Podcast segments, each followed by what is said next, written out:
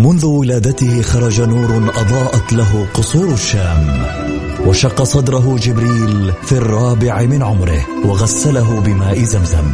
عاش حياته يتيما بلا أب وفقد أمه في عمر السادسة. وبوجوده ورسالته وأخلاقه تغير معه العالم وأصبحنا نسير على سراجه المنير. الآن السراج المنير مع فيصل الكاف على Mix FM ميكس اف ام هي كلها في الميكس. هي كلها في الميكس.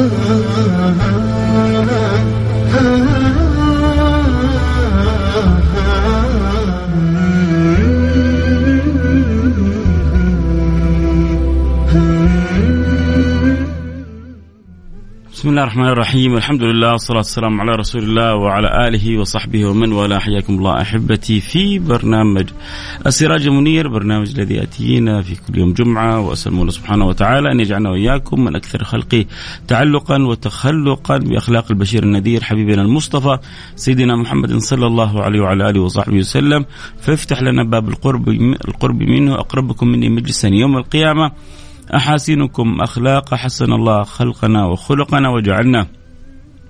كما يحب ويرضى ورزقنا الله وإياكم الاستقامة وجعلها لنا أعظم كرامة. اللهم آمين يا رب العالمين. ونحن وإياكم تتوالى علينا. الليالي والأيام و تقرب من شهر رمضان. نسأل الله سبحانه وتعالى أن يهيئنا فيها ويجعلنا وإياكم فيها من أهل القرآن وأهل الغفران. إنه الرحيم الرحمن. اللهم آمين يا رب العالمين. دخل علينا شهر رجب وخرج شهر رجب والآن نحن الآن وإياكم في أول يوم من أيام شعبان وإن شاء الله قريبا يدخل علينا رمضان وعسى المولى سبحانه وتعالى أن ينور قلوبنا بالإيمان ويعلي عندنا المراتب حتى نصبح من أهل الإحسان اللهم آمين يا رب العالمين. اليوم مثل ما وعدناكم الأسبوع الماضي حنحاول نستعرض الرحلة كما جاءت في ما رواه لنا الحبيب المصطفى صلى الله عليه وعلى آله وصحبه وسلم. وروايات طبعا تعددت ولكن يعني ربما سبحان الله أقواها وأدقها وأصحها. الرواية التي جاءت في صحيح مسلم.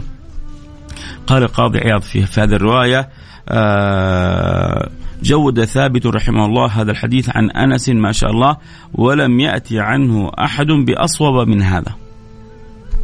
ولم يأتي عنه أحد بأصوب من هذا، إيش هي؟ رواية مسلم اللي هي عن ثابت البناني عن سيدنا أنس آه، بن مالك عن النبي المصطفى سيدنا محمد صلى الله عليه وعلى آله وصحبه وسلم، طبعا الروايات اللي في الإسراء وفي المعراج متنوعة وكثيرة لكن في عدة روايات آه، في البخاري ومسلم آه، دقيقة وأدقها ما جاء عن ثابت البناني عن سيدنا أنس بن مالك عن النبي المصطفى حبيبنا محمد صلى الله عليه وعلى آله وصحبه وسلم. آه نذكر الحديث مثل ما قلنا اليوم يعني حنحاول نذكر الذكر التفصيلي للقصة. النبي صلى الله عليه وعلى آله وصحبه وسلم يقول أتيت بالبراق. البراق دابة أبيض طويلة فوق الحمار ودون البغل لكن سبحان الله الله أعطاها خصائص عجيبة آه، تنتقل وكأنها طائرة من مكان إلى مكان وقد صعد آه، عليها الأنبياء. لكن لما صعدها النبي محمد صلى الله عليه وعلى آله وصحبه وسلم جبريل يعني عاتبها ذلك العتاب عندما استعصت على النبي فقال لها آه، إنه ما ركبك نبي خير من هذا؟ فطأطأت حتى سهل ركوبها على رسول الله صلى الله عليه وعلى آله وصحبه وسلم.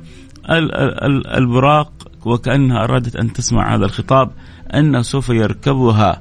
سيد الأحباب فما ركبها سيد الأحباب إلا وطأطأت وتأدبت وركبها سيدنا رسول الله وركبها سيدنا جبريل حتى أخذ البراق سيدنا رسول الله صلى الله عليه وعلى آله وصحبه وسلم أتاه وهو نائم في الحجر و قبل ما يصعد النبي صلى الله عليه وعلى آله وصحبه وسلم لذلك البراق يعني تذكر الأحاديث أن النبي صلى الله عليه وعلى آله وصحبه وسلم حصلت له حادثة شق الصدر.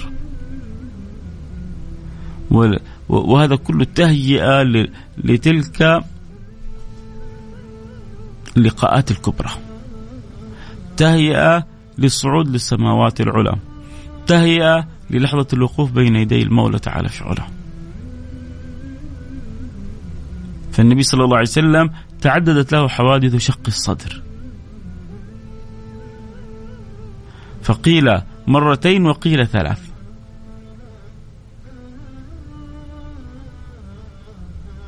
الأولى المجمع عليها التي حصلت في عهد سيدتنا حليمة.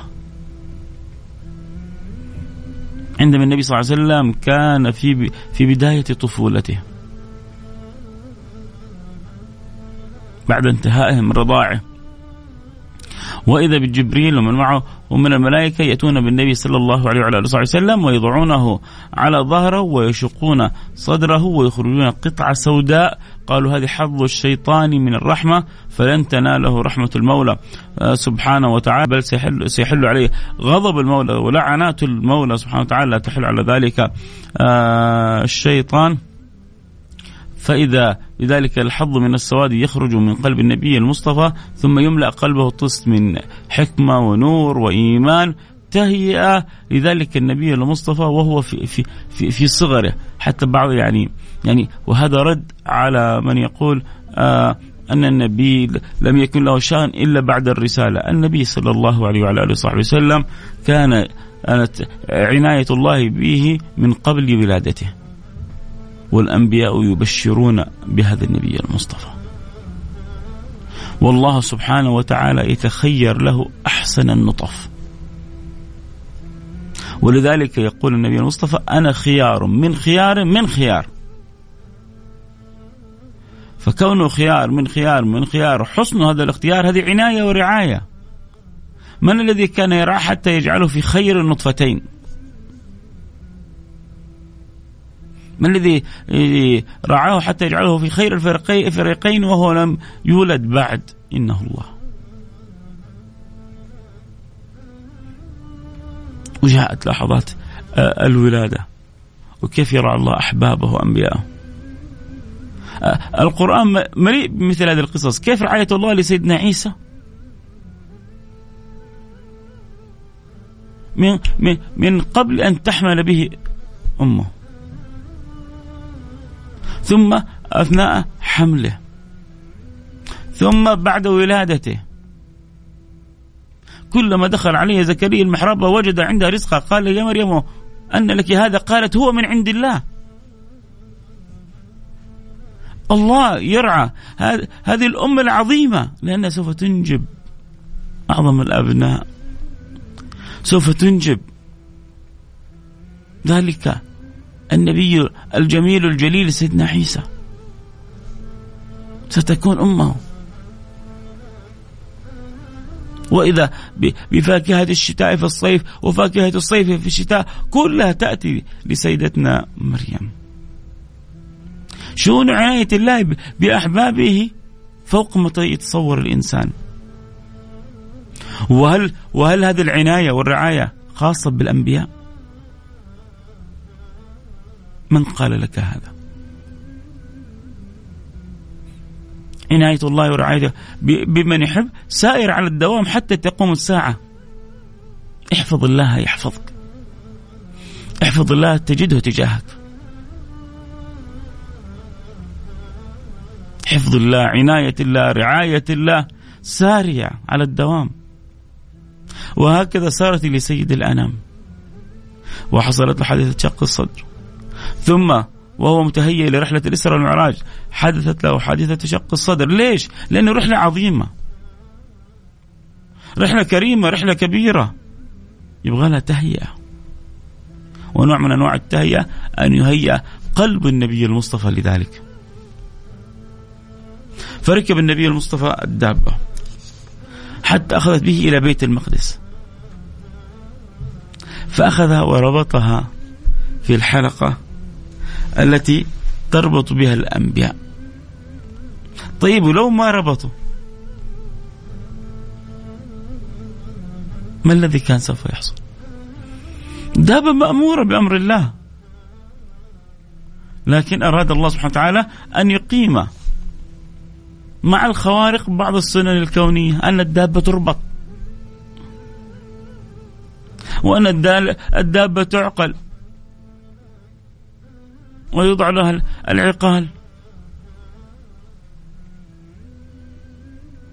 فربط رسول الله صلى الله عليه وعلى آله وسلم آه، البراق بذلك الحائط. فربط النبي صلى الله عليه وسلم البراق في المكان الذي يربط به الأنبياء. ثم أتى بيت المقدس. وعندما أتى بيت المقدس صلى النبي صلى الله عليه وعلى آله وصحبه وسلم ركعتين. و... وإلى تلك اللحظة لم تفرض الصلاة. إلى تلك اللحظة لم يكن هناك خمس صلوات.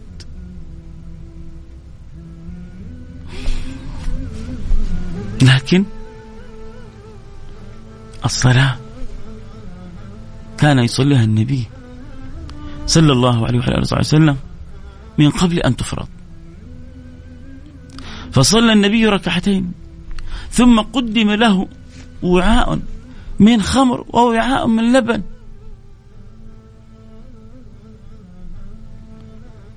فشرب النبي واختار وعاء اللبن ففرح سيدنا جبريل وقال له يا محمد لقد اخترت الفطرة فما أجل وأجمل هذا الشراب. ولذلك في الدعاء يا سادتي خذوها احفظوها. ومن لم يكن يعرفها فليتعلمها. ومن كان يعرفها فليستمتع عند سماعها. كل الطعام إذا انتهينا منه وقلنا اللهم بارك لنا فيه وارزقنا خيرا منه. اللهم بارك لنا فيه وارزقنا خيرا منه. إلا اللبن إذا شربه الإنسان. قال اللهم بارك لنا فيه وزدنا منه. عندما تشرب اللبن تقول اللهم بارك لنا فيه وزدنا منه.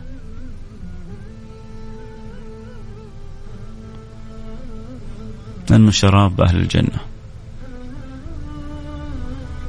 وزدنا منه. النبي اختار اللبن. فقيل له اخترت اخترت الفطرة. طبعا اللي يحب يتابع الحلقة صوت وصورة يستطيعوا ينضمون على الإنستغرام live @فيصل كاف F A I S A L K F F A I S A L K F فاتبة تقول سحقا وتبا لمن كفر وكذب بالإسراء والمعراج أو شكك بها. كل من كفر كل من شكك بالإسراء والمعراج هو الحرمان. هؤلاء ناس محرومين. ما استطاعوا ولا استحملوا أن يروا سيدنا محمد بعين التعظيم. لو كانوا معظمين للرب الكريم وفي قلبهم تعظيم للنبي الأمين لما استكثروا ذلك على رسول الله. ولما استعظموا ذلك على رسول الله. ولما صعب على عقولهم تقبل ذلك عن رسول الله. ليه؟ لأن القلب المؤمن هو على يقين إن الله قادر. إن الله قادر على ذلك وعلى كل ذلك وعلى أكثر من ذلك. ما, ما ذهب النبي من من مكة إلى بيت المقدس في لحظات وصعوده إلى السماء العلى والرجوع ما ذلك أمام قدرة الله؟ ما ذلك؟ أنت غير متقبلها إن أمر لا يمكن أن يصير؟ فأنت كفرت بالله. خارج عن قدرة الله أنت كفرت بالله. لا وداخل في قدرة الله. الله قادر على كل شيء. الله ذكرنا في القرآن آيات كثيرة وهو على كل على كل على كل شيء قدير. الله قادر على كل شيء. فكيف يستصعب عليه أمر ذهاب النبي في لحيضات؟ يتوقف الزمان أمام عظمة رب الأكوان. وإذا بالنبي صلى الله عليه وسلم يقدم له اللبن والخمر فيختار اللبن. ثم بعد ذلك تجتمع الأنبياء في ذلك المكان. ويريد الله أن يعرفهم بإمامهم. يعرف الأنبياء بإمامهم.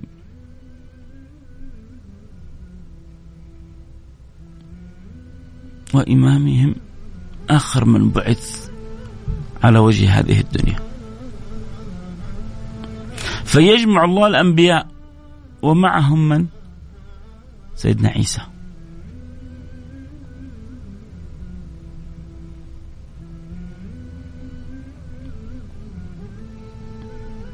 ومعهم سيدنا عيسى. فيصطفون صفا واحدا فيقدم سيدنا جبريل سيدنا محمد وكان شديد الحياء سيدنا محمد. أن يتقدم على إخوته من الأنبياء وعلى آبائه من الأنبياء سيدنا آدم وسيدنا إبراهيم.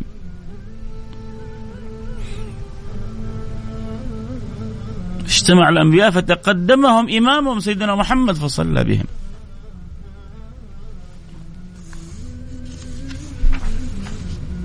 ثم بدأت الرحلة الأخرى.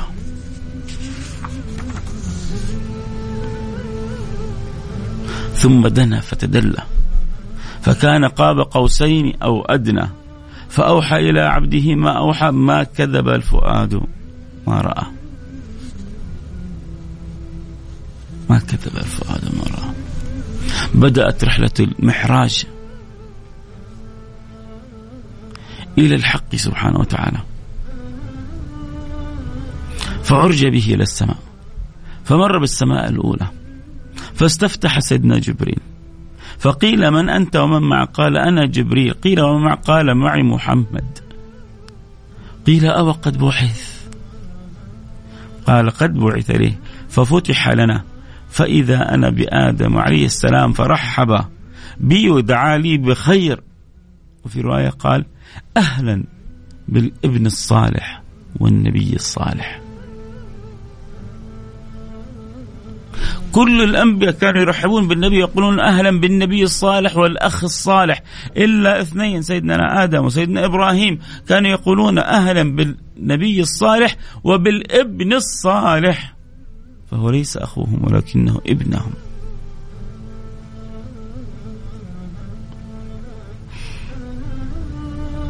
فصعد في السماء الأولى ثم مر بالسماء الثانية وإذا بها أبناء الخالة سيدنا عيسى وسيدنا يحيى وإذا بسيدنا عيسى وسيدنا يحيى في استقبال سيدي رسول الله صلى الله عليه وعلى آله وصحبه وسلم. ولسانهم واحد تقول أهلا بالأخ الصالح وبالنبي الصالح. ثم صعد إلى السماء الثالثة. وإذا بها فيها من أعطي شطر الحسن. سيدنا يوسف بجماله ودلاله فرآه رسول الله وقال لقد أعطي شطر الحسن. كان في غاية كان في غاية من الجمال سيدنا يوسف. لدرجة أن النسوة عندما رأينا قطعن أيديهن وهم يعني وهم لا يشعروا لم يشعروا بذلك لحظة تقطيعهن لأيديهن من شدة انبهارهن بجمال سيدنا يوسف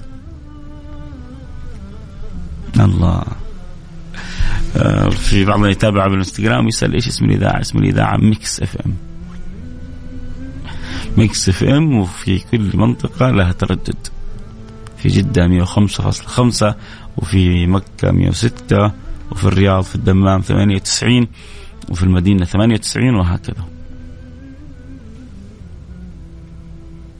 قال النبي ثم عرج بنا إلى السماء الثالثة فإذا بها سيدنا يوسف وقد أعطي شطر الحسن.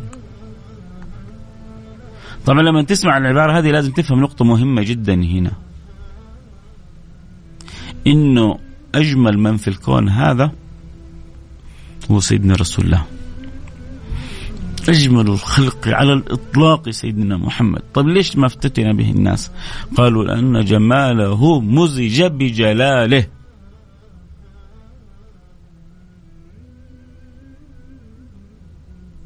من رآه بديهة هابه ومن خالطه معرفة أحبه. في البداية هيبة وجلال وبعد ذلك ذوق وجمال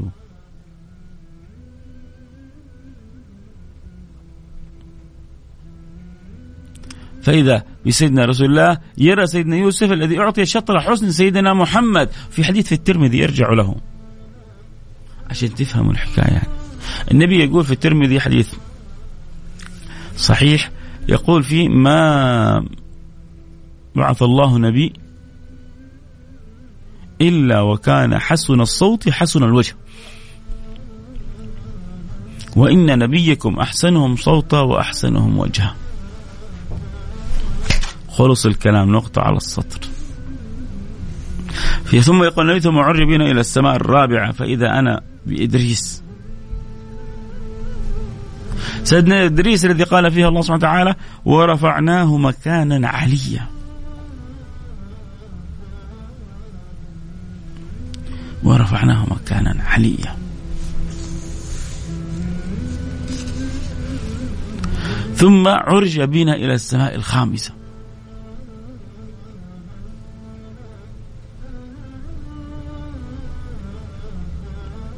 فإذا بهارون يرحب بالنبي المصطفى. ثم عرج إلى السماء السادسة فإذا بسيدنا موسى وكلنا ينبغي أن يكون لسيدنا موسى خصوصية في قلوبنا. فهو السبب بعد الله أن جعل صلواتنا خمس وأجرهن خمسون. الواحد فينا بيصلي خمس صلوات. والأجر بخمسين صلاة. وفي هذا الأمر نص. إحنا نعرف عموما إنه الحسنة بعشر أمثالها لكن في الصلاة في نص كما جاء في الحديث الصحيح. كما أخبر الله بذات سيدنا محمد أنهن خمس في الصلوات وخمسون في الأجر. أنهن خمس في الصلوات وخمسون في الأجر. يعني أنت لما تصلي خمس صلوات يحسب الله لك أجر خمسين صلاة. وتيجي شباب أهون ما عليهم تضيع الصلاة. لا إله إلا الله. اللي كانوا معي بالأمس كم رسالة جاءت يشتكي في أصحابها ويقولون عسى أن توعظنا بموعظة عسى أن تنبهنا بتنبيه بتنبيه عسى أن تذكرنا بتذكير نعاني من تضييع الصلاة. أصلي فرض وأترك عشرة. أصلي مرة وأغيب مرات. تضيع الصلوات. أصبح سهل عند بعض الناس. ما علموا أن الخير كل الخير في الصلة بالله. وأعظم أبواب الصلة بالله الصلاة بين يدي الله. الوقوف بين يدي الله. الله يرزقنا وإياكم العودة إليه. ويذيقنا وشبابنا وبناتنا حلاوة وأهمية الصلاة وما يتركها أحد بعد الساعة. يمكن اليوم الحمد لله الجمعة أغلبنا حتى المقصر في صلاته يحرص على أن يصلي الجمعة. انوي من الآن أن تصلي العصر. ألا تضيع صلاة العصر أرجوك. لحظة وصال مع ذي الجلال تسوى الدنيا وما فيها. لحظة تذوق. وتشوق وتخلق تسوى الدنيا وما فيها. الله يرزقنا وإياكم حلاوة الأنس به والسعادة بذكره والانشغال به عما سواه. صعد من السماء. الخامسة فإذا بها فيها هارون ثم صعد إلى السماء السابعة فإذا فيها موسى. عندما مر سيدنا رسول الله بموسى تعرف سيدنا موسى بكى؟ والحديث اللي لم تخن الذاكرة في البخاري. فقال له سيدنا جبريل لمح وهو يبكي؟ ما يبكيك؟ قال نبي يأتي من بعدي يدخل من أمته الجنة أكثر ممن يدخل من أمتي.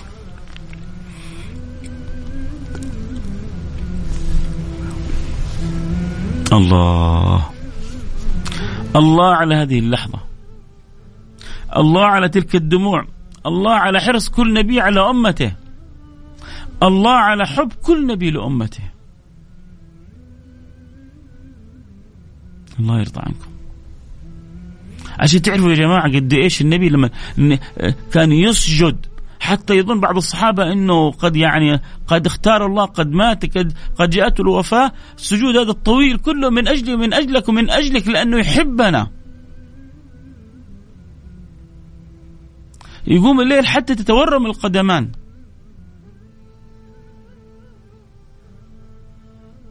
ويسجد حتى يظن من حوله أنه قد مات. من شدة حبه لنا واستعطافه المولى من أجلنا. حتى أخبره المولى سبحانه وتعالى أنه سوف يعطيه حتى يرضيه.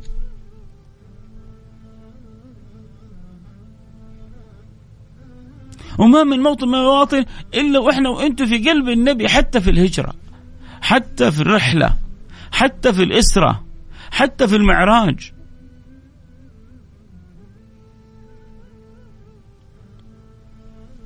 النبي متهيأ إلى الدخول في تلك الحضرة هيبة ما بعدها هيبة. جلال ما بعده جلال. دهشة ما بعدها دهشة. والنبي شغله الشاغل أمتي أمتي. أمتي أمتي.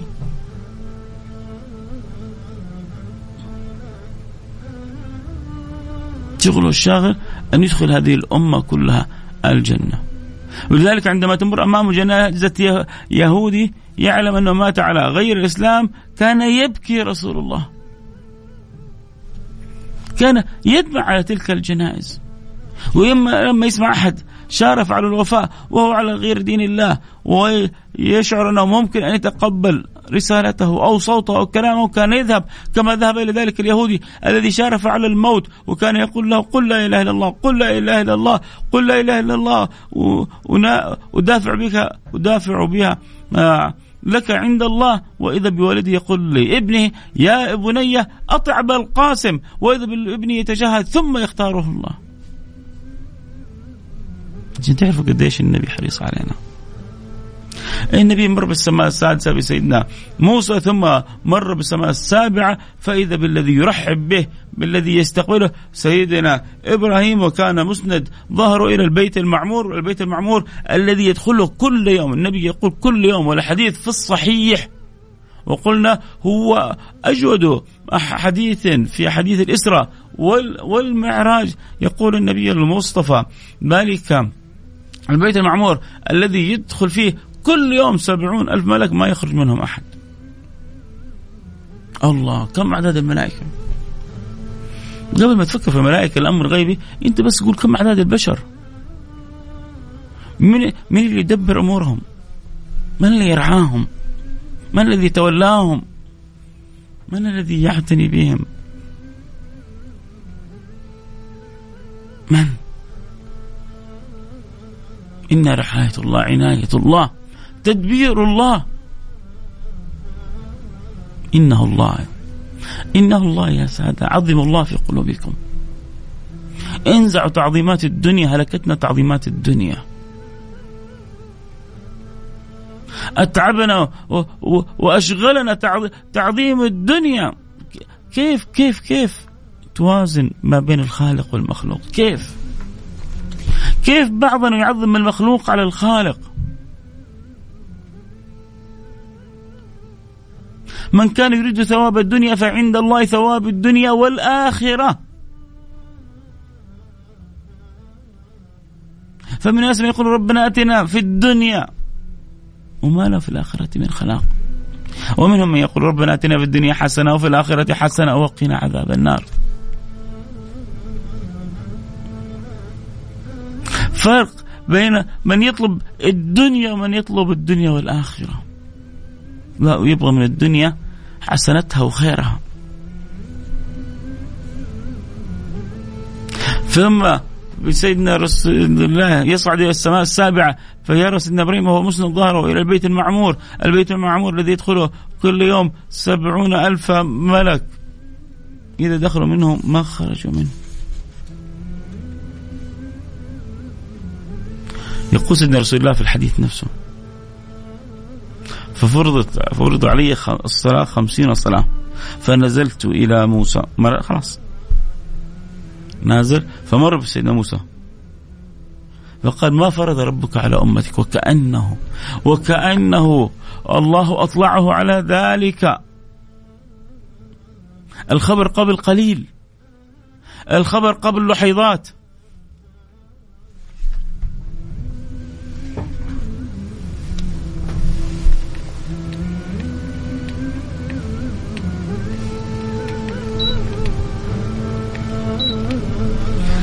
والله كنت في السكيم وأنا أتكلم معاكم بنصف ساعة ونحوها والمكيف يضرب في ظهري يضرب في ظهري. الآن أطفأته.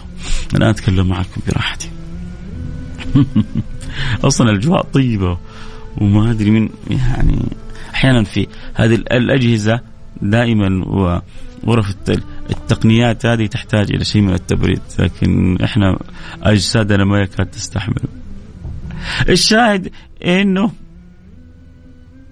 مر على سيدنا موسى. قال ما فرض عليك ربك؟ قال فرض علي على أمتي خمسين صلاة. قال له يا محمد يا محمد ارجع إلى ربك وسأله التخفيف. فإني قد بلوت بني إسرائيل وخبرتهم. فإن أمتك لا يطيقون ذلك. أسألكم بالله لو كانت علينا الصلوات خمسون صلاة. الحين إحنا خمس صلوات وفي صراع في صراع طبعا ليش في صراع لأنه سامحونا على الكلمة. قل تعظيم الله في قلوب المتصارعين. اللي قلوبهم عامرة بالإيمان الشيطان ما يثبتهم عن الصلاة لأنه هذا موضوع منتهي. لكن يحاول وسط الصلاة أن أن يشوش عليهم. يحاول وسط الصلاة أن يشوش عليهم. أنت تبغى تصلي تعال أنا أحاول أضيع لك صلاتك بطريقة أخرى. هؤلاء أصحاب القلوب المعلقة بالصلاة. لكن البعض يستسهل ترك الصلاة. لأنه مش مستشعر هو حيقابل مين ولا يقف بين يدي مين ولا حيناجي مين. لما أقول له كنت آه، اليوم ترى عندك موعد بعد قليل مع عزكم الله حجام عامل نظافة أو كذا. ما تفرق معه. لو قلت له عندك موعد جانا اتصال قبل قليل وعندك موعد مع أكبر تاجر في الدنيا يريد يقابلك ويستشيرك وياخذ برأيك. تحصل ويستعد ويفرح ويتجهز ويتهيأ للقاء. ليه؟ لأنه شايف هذا آه، أكبر تاجر في الدنيا فصار عظيم في قلبه. حيحرص على اللقاء بكل ما أوتي من قوة حيلبس أحسن اللباس ويذهب وهو في غاية من الفرح والسرور والاستعداد. ليه حقابل فلان؟ لو تعالى الله عما نقول علوا كبيرا لو امتلأت قلوبنا تعظيم لله. لكان شوقنا إلى الصلاة أعظم من شوقنا إلى تلك اللقاءات. الواحد فينا يروح للمباراة وهو مستعد وفرحان يروح من قبل المباراة بسويعات. متلذذ سعيد فرحان. ربما البنت ما تفهم الشعور هذا حق المباريات. لكن تفهم الشعور هذا في الحفلات. لو في حفلة لوحدة تحبها مستعدة تروح قبل الحفلة بسويعات وهي في غاية من الفرح والسعادة والسرور ليه؟ لأنه بعد سويعات حيجتمع الشمل بمن هي تحب. بالنجمة الفلانية بالشخصية الفلانية بالمغنية الفلانية بالمطربة الفلانية بالنجمة الفلانية أيا كانت. تفهم البنت الكلام هذا. الولد يفهم إيش معنى تروح قبل المباراة بساعات وأنت مبسوط.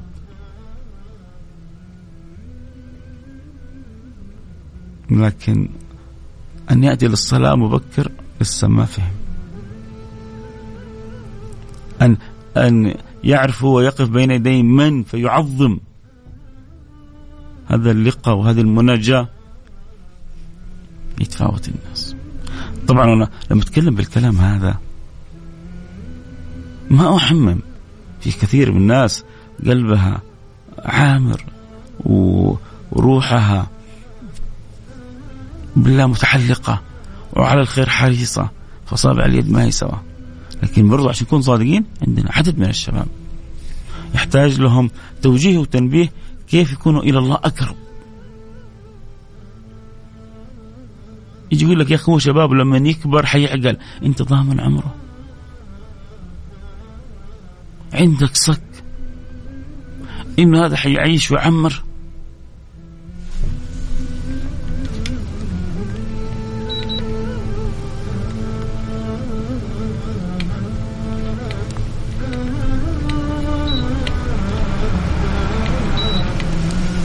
عندك صك إنه هذا حيعيش يعمر عندك ضمانة؟ طيب إذا ما عندك ضمانة اذا ال... الواحد ينتبه كم رجل مصبح في أهله والموت أدنى من شراك نعله هكذا يقول سيدنا أبو بكر الصديق. وبعدين حتى حتى حتى لو ما في موت ولا في انتقال ولا في دار اخره ولا في حاجة. خلينا نقول ما في ولا شيء من هذا الكلام. ما, ما, ما يكفي شرف الوقوف بين يدي الله. ما يكفي شرف أن تكلم الله وأن يكلمك الله.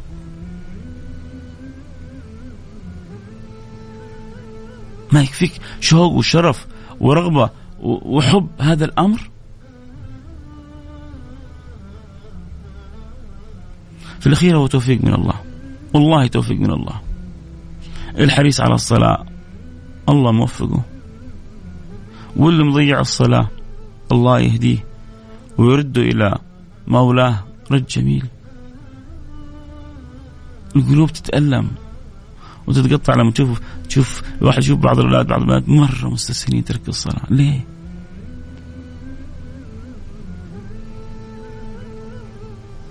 نبغى عودة للإسلام الحقيقي. عودة إلى إلى إلى الإسلام اللي كان عليه النبي والصحابة. قلوب معلقة بالله. قلوب محبة لرسول الله.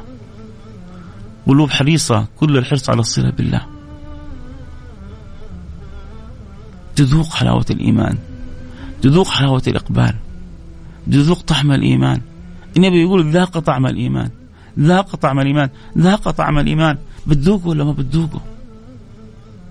كم عمرك؟ 20 30 40 سنة؟ بعد شوية راح تتغدى أحسن غدا. حتذوق الغدا. حتستطعمه. والحلو حتقول له حلو واللي مو حلو حتعرف إنه مو حلو. في صلاتك بتذوق ولا ما بتذوق؟ يا جماعة خلونا والله نتكاتف. و و و ونحيي هذه المعاني في بعضنا البعض في أصحابنا في إخواننا يا جماعة إلا الصلاة. أرجوكم إلا الصلاة. أنتوا بس تأملوا شوفوا إيش الفرض الوحيد اللي فرض في السماء. كل الشرائع فرضت في الأرض كل الشعائر فرضت في الأرض. كل الشعائر فرضت في الأرض إلا شعيرة واحدة وهي الصلاة فرضت في السماء بعظمها. ومن غير واسطة الله أخبر فيها سيد رسول الله مباشرة. كل الشعائر تأتي عبر سيدنا جبريل. إلا الصلاة فأتت من نبي الله إلى جبريل إلى سائر الخلق. ما فرض عليك ربك قال خمسون صلاة قال إني خبرت بني إسرائيل وإن أمتك لا يتقون ذلك. فارجع فسأل الله التخفيف. فأخذ يسأله مرة بعد مرة خمسين خمسة وأربعين أربعين خمسة وثلاثين ثلاثين عشرين خمسة عشر عشرة خمسة. حتى قال الله لنبي محمد هن خمس في الصلوات وخمسون في الأجر. لما المرسل لموسى قال ارجع فاسأل ربك. قال لقد استحييت من ربي. استحييت. خلاص ماني قادر. كانت هذه إرادة الله لقوم النبي.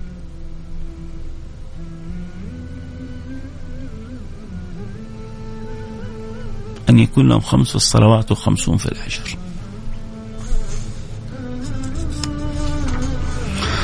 حتى قال يا محمد إن خمس صلوات كل يوم وليلة لكل صلاة عشر فذلك خمسون صلاة.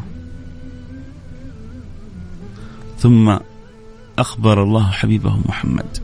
ومن هم بحسنة فلم يعملها كتبت له حسنة. اسمع اسمع اسمع اسمع الأخبار اللي بين بين بين المولى وحبيبه محمد. في تلك الحضرة. من هم بحسنة فلم يعملها كتبت له حسنة. فإن عملها كتبت له عشرة. ومن هم بسيئة فإن عملها فإن لم يعملها لم يكتب شيء عليه. وإن عملها كتبت عليه سيئة واحدة.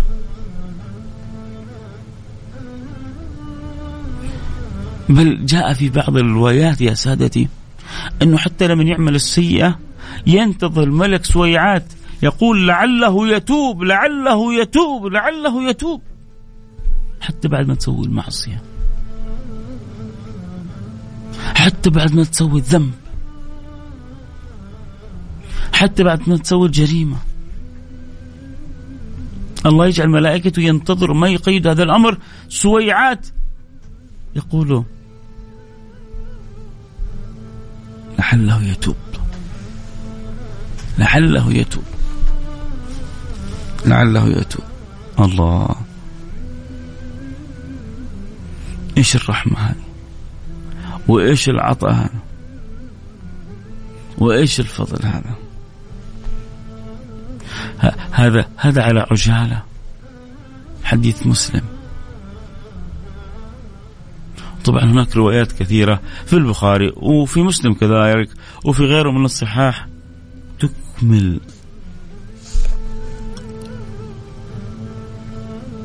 تلك الرحلة العظيمة. وكيف إنه لما رجع مر بتلك القافلة؟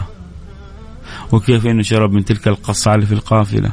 وكيف إنه ند لهم بعير وفقدوا مفقود ثم بعد ذلك وجدوا وكيف ان النبي صلى الله عليه وسلم قال له لما اجتمعوا وأخذ أخبر أبو جهل وجمع له قريش وضعاف الإيمان بعض يعني بعضهم ارتد. لما سمع إن النبي يقول أنا يعني رحت ورجعت وكذا حس إنه فيها مبالغة وعقله وفكره ربما.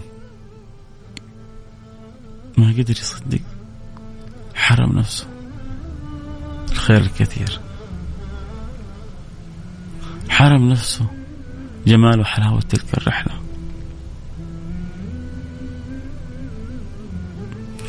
كيف؟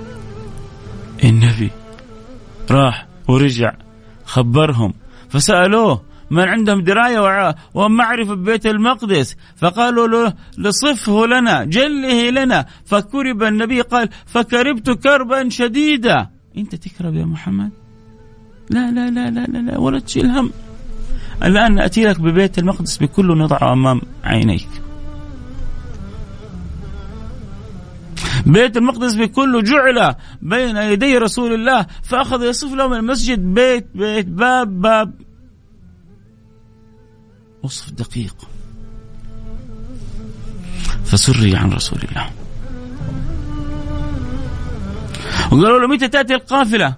قال لم تأتي يوم الأربعاء قبيل الغروب. أخذوا ينتظروا ينتظروا ينتظروا حتى جاء الأربعاء وكادت الشمس أن تغرب. وهذا من القصص التي حبس الله فيها الشمس لأجل محمد. فسأل الله سيدنا محمد أن يحبس له الشمس. ساعة فاستجاب الله.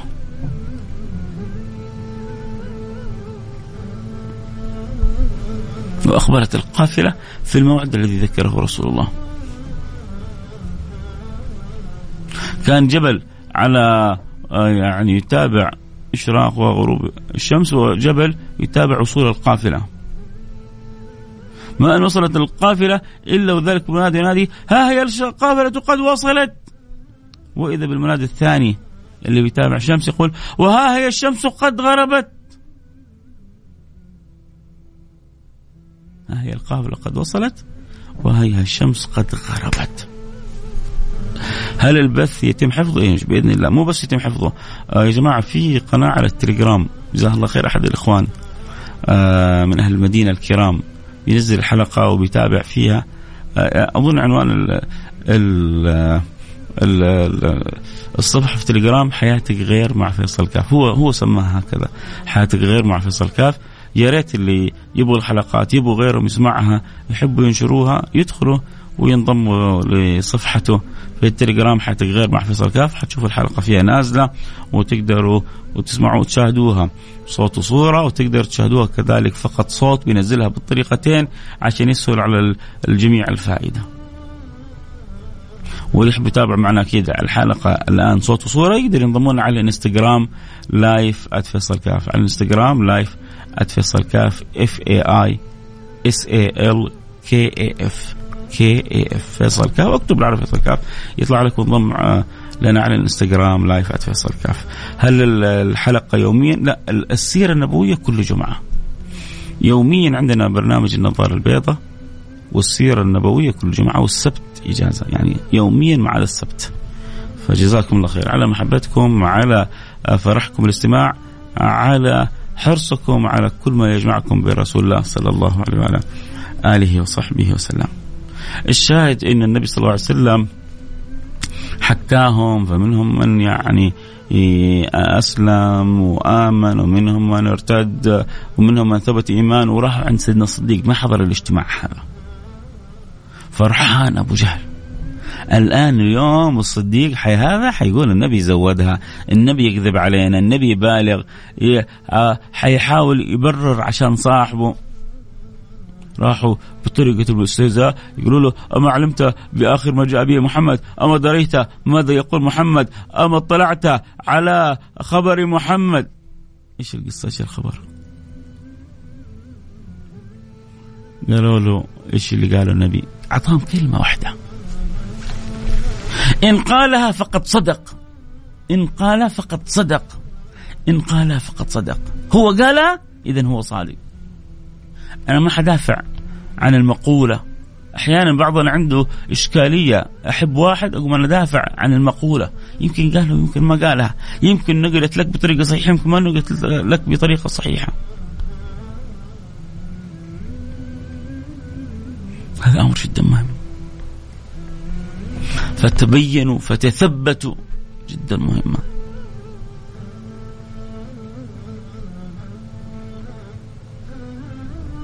إن قال فقد صدق فلذلك لما تأتي ليلة الإسراء والمعراج وقصة الإسراء والمعراج ينبغي أن يكون فيها ذكر بكثير من التوقير والإجلال والحب لسيدنا أبو بكر الصديق فقد خلعت عليه الصديقية في مثل هذا اليوم فسلقب بالصديق.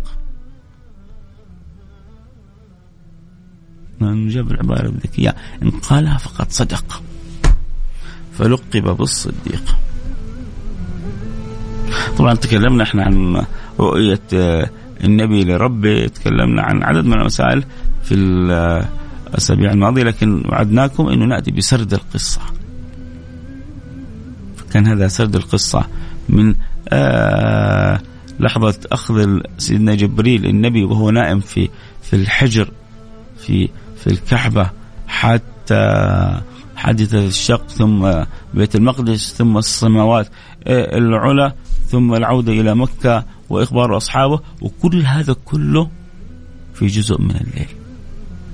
سبحان الذي أسرى بعبده ليلا من المسجد الحرام إلى المسجد الأقصى. في في أقل من سويعات سبحان المعطي. سبحان المتكرم. سبحان المتفضل. سبحان الجليل. رزقنا الله وإياكم كمال الحب للنبي المصطفى. هيأنا الله وإياكم إلى آه، الارتقاء في المراتب العلى. جعلنا الله وإياكم من خير من من عباده اصطفى. اللهم آمين. آه ندعو الله سبحانه وتعالى لنا لأنفسنا لأهلنا لأوطاننا لبلادنا لمجتمعنا للكون كله. بسم الله الرحمن الرحيم. الحمد لله رب العالمين. وأصلي وسلم على المبعوث رحمة العالمين. حبيبنا محمد وعلى آله وصحبه أجمعين. اللهم يا أكرم الأكرمين يا أول الأولين ويا آخر الآخرين ويا ذا القوة المتين ويا راحم المساكين يا أرحم الراحمين يا أرحم الراحمين يا أرحم الراحمين. ارحمنا رحمه من عندك. تهدي بها قلبنا ولا تلم بها شعثنا وتصلح لنا بها حالنا وتردنا بها إليك مردا جميلا اجعلنا كما تحب وترضى. وفقنا ما تحب وترضى. وارزقنا الرضا في أعلى مراتبه. يا رب العالمين رحمنا برحمتك الواسعة إنك أرحم الراحمين.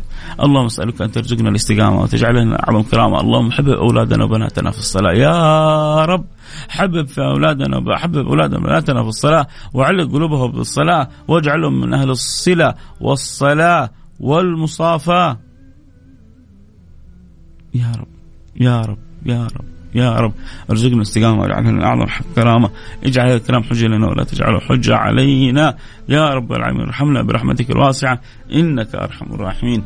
يا أكرم الأكرمين. يا أرحم الراحمين. يا أول الأولين. ويا آخر الآخرين. ويا ذا القوة المتين ويا راحم المساكين.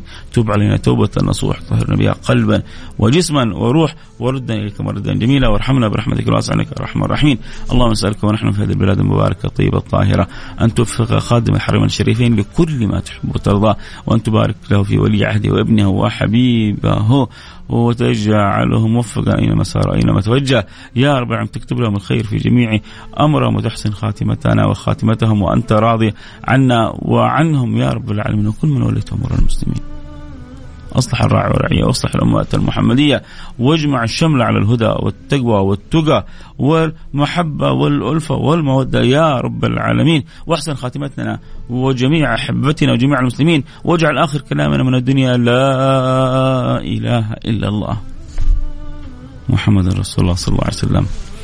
لا إله إلا الله من كان آخر كلامه لا إله إلا الله دخل الجنة. وصلى الله وسلم على سيدنا حبيبنا محمد وعلى آله وصحبه أجمعين والحمد لله رب العالمين نسأل الله سبحانه وتعالى أن يغفر لموتانا وموتاكم وموتى المسلمين. اللهم آمين يا رب العالمين. كذا وصلنا إلى نهاية الحلقة. وكذا حاولنا يعني إن شاء الله نكون وفينا معكم في استعراض شيء من رحلة الإسراء والمعراج. وأكيد يجدد معنا اللقاء إن شاء الله في الأسبوع القادم في الاسره المعراج ويوم الأحد في النظارة البيضاء. كونوا معنا على الموعد وكونوا على الحب والود. آه بعد قليل حتكون القصة بكلها الحلقة بكلها في على الإنستغرام عندي. اتفصل كاف حبذا. آه كل واحد يدخل ويسوي آه، تأييد نشر عشان تنتشر عند كل أصحابه وأحبابه. آه ننسى بعض من الدعاء. كل واحد فينا يدعو للآخر. لا ننسى يا سادتي قراءة سورة الكهف. لا ننسى يا سادتي الصلاة على النبي صلى الله عليه وسلم. ولا ننسى أن ندعو لبعضنا البعض. فالدعاء مستجاب يوم الجمعة. فالدعاء مستجاب يوم الجمعة. الله يرضى عني وعنكم وعن جميع الناس اللهم آمين. يا رب العالمين. معك أبو فيصل من جزان طمد دعواتك يا شيخ بذريه الصالحة رزقك الله الذرية الصالحة وأسعدك وأسعدهم. اللهم آمين يا رب العالمين.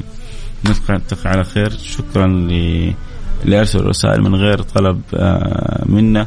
ما نقول إلا بيض الله وجوهكم وجزاكم الله آه، كل خير وجعلنا وإياكم مقبولين مكرمين. اللهم آمين. يا رب العالمين. سبحانك اللهم وبحمدك أشهد أن لا إله إلا أنت أستغفرك وأتوب إليك في أمان الله.